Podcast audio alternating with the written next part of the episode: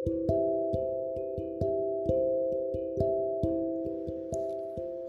Bapak Ibu yang dikasihi dalam nama Tuhan kita Yesus Kristus. Sebelum kita merenungkan kebenaran firman Tuhan Mari kita bersatu di dalam doa. Bapa kami yang di surga Kami mengucap syukur atas kebaikanmu dan anugerahmu Yang masih kami rasakan sampai hari ini. Kami boleh bangun itu semua karena kemurahanmu. Pada pagi hari ini kami akan mendengarkan firman-Mu Kiranya Tuhan berbicara atas setiap kami. Dalam nama Tuhan Yesus kami berdoa ucap syukur haleluya. Amin. Bapak Ibu pagi ini kita telah sampai di Matius pasal 27 merupakan kisah tentang bagaimana Yesus diserahkan kepada Pilatus dan telah dijual oleh muridnya sendiri yaitu Yudas Bapak Ibu. Mula-mula para tua-tua Yahudi berunding dan mengambil keputusan untuk membunuh Yesus dan menginginkan kematian Yesus. Dalam rencana mereka untuk menyingkirkan Yesus Bapak Ibu dengan berbagai tuduhan yang ditujukan kepada Yesus, hanya ada satu alasan yang sangat jelas dikatakan bahwa itu semua oleh karena mereka dengki terhadap Yesus Bapak Ibu. Mereka tidak menyukai Yesus dan apa pun yang Yesus lakukan. Dari perjalanannya, mulai dari penyerahan Yesus untuk disalibkan sampai kepada kebangkitannya. Itu semua dengan satu alasan bahwa Yesus sangat mengasihi kita Bapak Ibu. Kita tahu bahwa Tuhan mengasihi kita lebih dari apa pun dan biarpun Yesus menghadapi banyak penderitaan demi menyelamatkan kita, dia harus melewati masa-masa sulit Bapak Ibu Saudara. Ia, ia dijual, dituduh dengan tuduhan yang palsu bahkan diolok-olok, dihina, dan disalibkan untuk menebus dosa kita. Dan itu bukti kasihnya yang luar biasa bagi kita Bapak Ibu. Apa yang kita dapat pelajari dari ini Bapak Ibu Saudara? Saya menyoroti beberapa tokoh Bapak Ibu. Yang pertama yaitu Yudas dan yang kedua adalah Yesus Bapak Ibu. Yudas adalah murid yang telah menjual Yesus, orang terdekat yang mengikuti Yesus selama melakukan pelayanan hal dari perbuatan ajaib Yesus yang dilihatnya selama mengikuti Yesus Bapak Ibu. Tetapi tidak membuat dia mengerti tentang Tuhan itu lebih dalam Bapak Ibu Saudara. Dia justru rela menjual Yesus hanya demi harta Bapak Ibu. Hanya demi 30 perak Bapak Ibu. Jika kita bisa baca dalam Alkitab dia menjual Yesus hanya demi uang Bapak Ibu. Dia rela mengorbankan Yesus hanya demi kepentingannya sendiri. Saya melihat bahwa ambisi Yudas hanya untuk kepentingannya sendiri dan akhirnya membuat dia menyesal. Ambisi yang kuat oleh karena ingin memuaskan kepentingan sendiri tanpa memikirkan orang lain. Penyesalan yang dialami ketika terlalu memikirkan diri sendiri Bapak Ibu Saudara. Kita bisa melihat bahwa akhirnya Yudas menyesal telah menjual Yesus. Padahal Yesus Yudas telah lama mengikuti Yesus Bapak Ibu. Namun karena Yudas terlalu egois sehingga dia mengorbankan Yesus dan menjualnya. Jadi Bapak Ibu, kita sebagai orang percaya harus bisa belajar bahwa jangan sampai kita mengorbankan iman kepercayaan kita untuk hal yang tidak baik. Jangan sampai kita melakukan segala sesuatu oleh karena keegoisan kita Bapak Ibu sehingga itu bisa merugikan orang lain.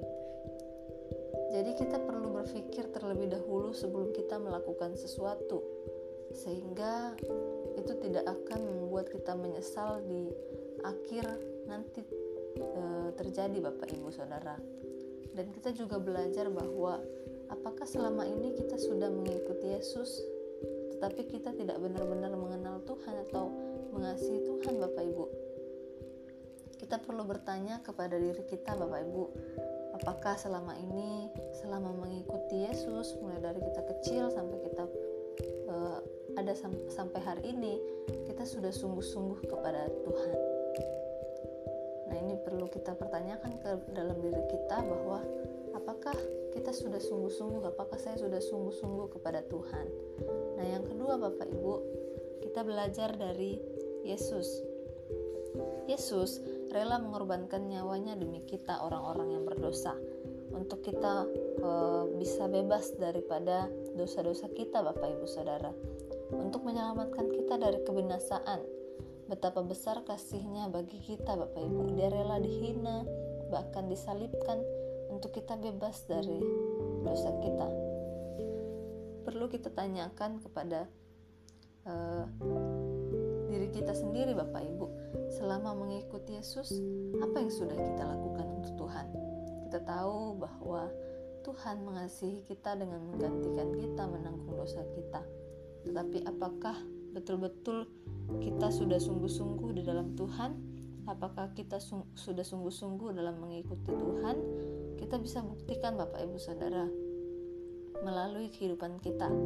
Bagaimana kita bersikap, bagaimana kehidupan kita sehari-hari, bagaimana uh, kita menyikapi segala sesuatu dengan uh, kebenaran firman Tuhan dan itu bisa membuktikan bahwa kita betul-betul orang-orang yang percaya, orang-orang yang mengasihi Tuhan, Bapak Ibu Saudara. Jadi sebagai orang-orang percaya kita perlu melihat kepada diri kita apakah kita sudah betul-betul sungguh-sungguh di dalam Tuhan. Kita bisa melihat bahwa begitu besar pengorbanan Yesus untuk disalibkan demi kita Bapak Ibu Saudara orang-orang yang berdosa.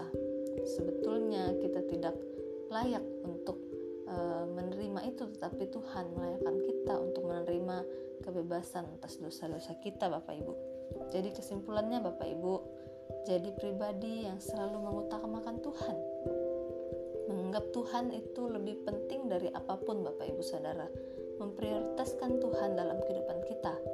Jangan sampai kita mengorbankan iman kita, kita mengorbankan Yesus untuk memenuhi keinginan dan keegoisan kita sendiri Bapak Ibu. Dan kita terus belajar bagaimana kita melihat bahwa Tuhan sangat mengasihi kita lebih dari apa pun Bapak Ibu. Dan Tuhan mau kita melakukan hal yang sama. Bagaimana kita bisa membuktikan bahwa kita juga mengasihi Tuhan dengan sungguh-sungguh dengan melihat kepada pengorbanannya atas kita Bapak Ibu.